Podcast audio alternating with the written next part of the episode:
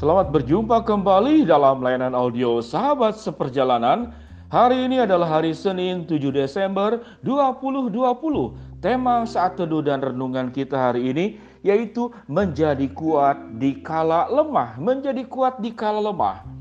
Firman Tuhan terambil dalam Yesaya pasal yang ke-40 ayat yang ke-31. Demikian bunyi firman Tuhan.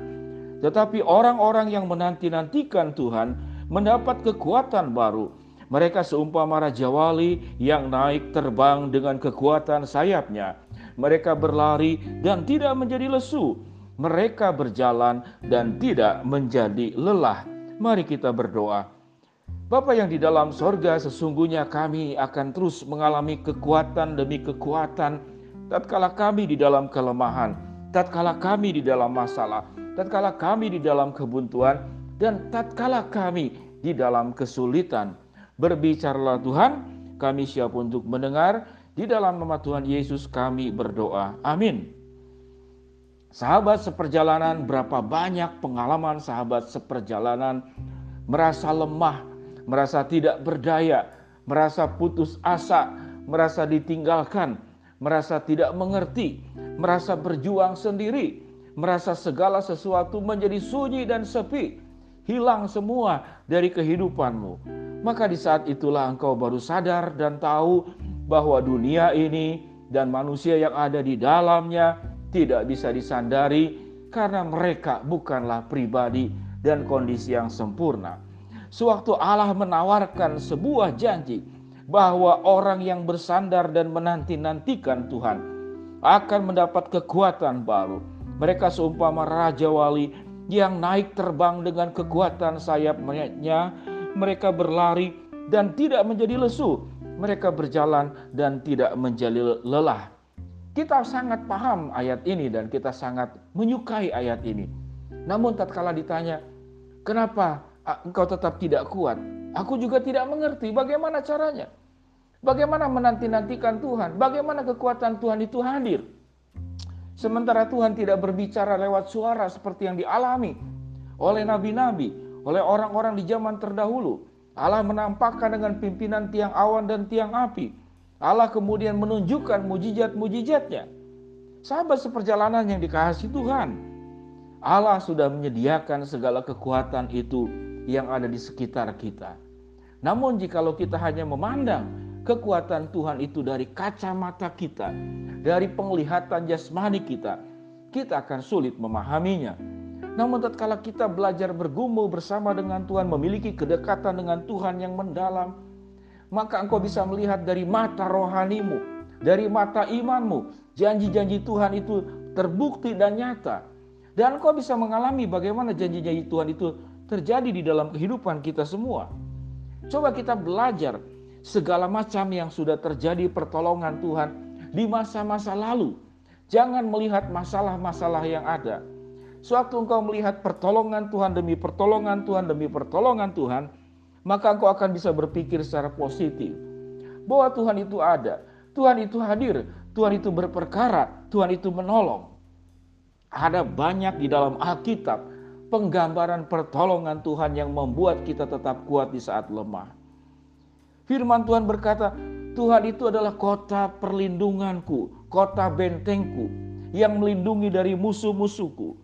Tuhan itu tempat perteduhan di mana seorang gembala membawa ke sungai ke air yang jernih, ke padang rumput yang hijau dan akan terus mengalir aliran-aliran air hidup. Tak kala engkau di dalam kesepian, engkau di dalam kesulitan. Tuhan juga dikatakan akulah jalan, kebenaran dan hidup. Tuhan akan membukakan setiap pintu, setiap jalan buntu, setiap pintu yang tertutup kepada engkau. Tuhan juga berkata, akulah pembelamu, akulah menjadi, yang menjadi hakim di atas ketidakadilan yang kau terima di dalam kehidupan ini. Firman Tuhan juga berkata, akulah pokok anggur yang benar dan kamu ranting-rantingnya. Kalau engkau bisa hidup dan menghasilkan buah, menghasilkan daun, karena engkau itu berpatok kepada pokok anggur. Dan Tuhan berkata, aku juga adalah Alfa dan Omega yang awal dan akhir. Dan kalau Tuhan berkata, aku akan menyertai engkau, itu penyertaannya itu terus menerus dan selama-lamanya. Allah yang Alfa dan Omega. Firman Tuhan juga berkata, aku adalah El Shaddai. Allah yang Maha Kuasa. Aku juga adalah Jehovah Jireh. Allah yang menyediakan. Akulah Adonai. Allah yang memberikan kemenangan di dalam setiap peperangan di dalam kehidupan kita. Sahabat seperjalanan yang dikasih Tuhan, mari kita belajar dengan lebih praktis bagaimana kita bisa menjadi kuat. Yang kedua adalah selain kita jangan kemudian mengandalkan dunia ini namun mengandalkan Tuhan. Maka prinsip-prinsip yang berikut yaitu engkau harus melihat bahwa ada orang lain yang jauh lebih susah dari, dari kehidupanmu. Itu biasanya akan sangat menolong. Saya menolong seorang jemaat yang terus menerus mengeluh dengan kehidupannya, terus menerus mengeluh dengan kehidupannya. Konseling berjam-jam, namun dia tetap merasa lemah. Dia merasa tetap tidak kuat. Saya berdoa kepada Tuhan. Bagaimana cara menolong ini supaya dia bisa kuat? Dan kebetulan saya ada jadwal itu donor darah. Saya bawa orang ini ke, ke Jalan Aceh. Lalu saya donor darah di sana. Lalu dia menyaksikan, dia pertama takut, dia tidak mau ikut. Lalu dia bercakap-cakap dengan orang-orang yang ada di sana karena dia ingin tahu. Dia bertemu bercakap-cakap, ada orang yang sudah mau mati, ada orang yang kemudian memang kecelakaan, butuh donor darah, ada orang yang kemudian mengalami berbagai macam hal-hal kehidupan yang berbahaya, di penyakit-penyakit yang berbahaya yang ada di rumah sakit. Sewaktu dia bercakap-cakap dengan orang-orang yang ber, memberikan donor darah, lalu dia melihat bahwa dia jauh lebih beruntung. Dia itu tidak sakit, dia tidak masuk rumah sakit, namun ketakutannya, kekhawatirannya, sikap paranoidnya, pikirannya dan hidupnya dikuasai perkara negatif. Masalah memang ada, namun dilebih-lebihkan. Waktu dia melihat ada orang yang jauh lebih kurang beruntung dari diri dia, dia baru kemudian merasakan kuat. Bagaimana engkau juga menjadi kuat? Bergaulah dengan orang yang tabah, bergaulah dengan orang yang berjuang, bergaulah dengan orang yang mudah bersyukur. Engkau akan tertular. Engkau juga harus tahu dan sadar bahwa Tuhan itu akan selalu hadir di dalam kehidupanmu. Engkau juga tidak sendiri. Banyak pengalaman di dalam kehidupan ini tatkala kita memang orang yang kita percayai, orang yang kita andalkan tidak sanggup menolong kita. Engkau merasa sendiri. Saya juga mengalami banyak hal. Namun di saat-saat terpuruk sendiri tidak kuat yang cukup menarik Tuhan selalu mengirimkan malaikat-malaikat itu hadir dalam kehidupanmu. Tidak dalam bentuk malaikat yang bersayap. Namun ada orang-orang baik yang menolong engkau, yang membantu engkau, yang menghibur engkau. Coba kita pikirkan baik-baik bagaimana pertolongan Tuhan itu. Ada banyak kesaksian yang saya alami, yang saya sharingkan di dalam renungan sahabat-sahabat seperjalanan sebelumnya. Sahabat seperjalanannya dikasih Tuhan. Ingatlah bahwa di dalam setiap air mata ada penghiburan Tuhan. Di dalam setiap beban kehidupan ada kekuatan Tuhan. Di dalam setiap kegelapan ada terang yang menyinari engkau.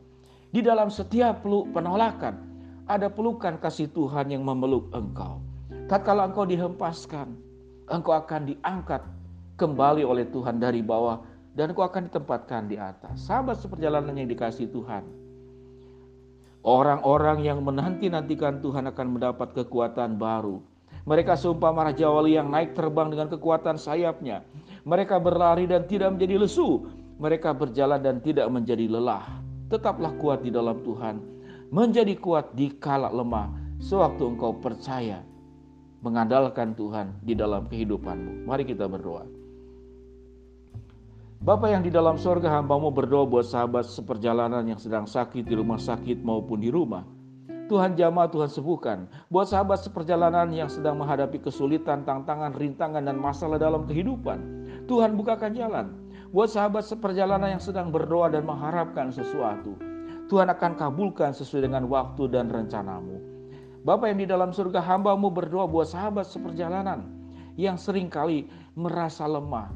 Biarlah kami diingatkan bahwa Allah itu selalu menyediakan pertolongan-pertolongan, mujizat-mujizat yang tersedia secara lengkap dan sempurna untuk membuat kami kuat di kala lemah. Dalam nama Tuhan Yesus kami berdoa. Amin. Shalom sahabat seperjalanan, selamat beraktivitas. Tuhan memberkati engkau. Tetap kuat di kala lemah karena Tuhan bersama dengan engkau. Shalom. Amin.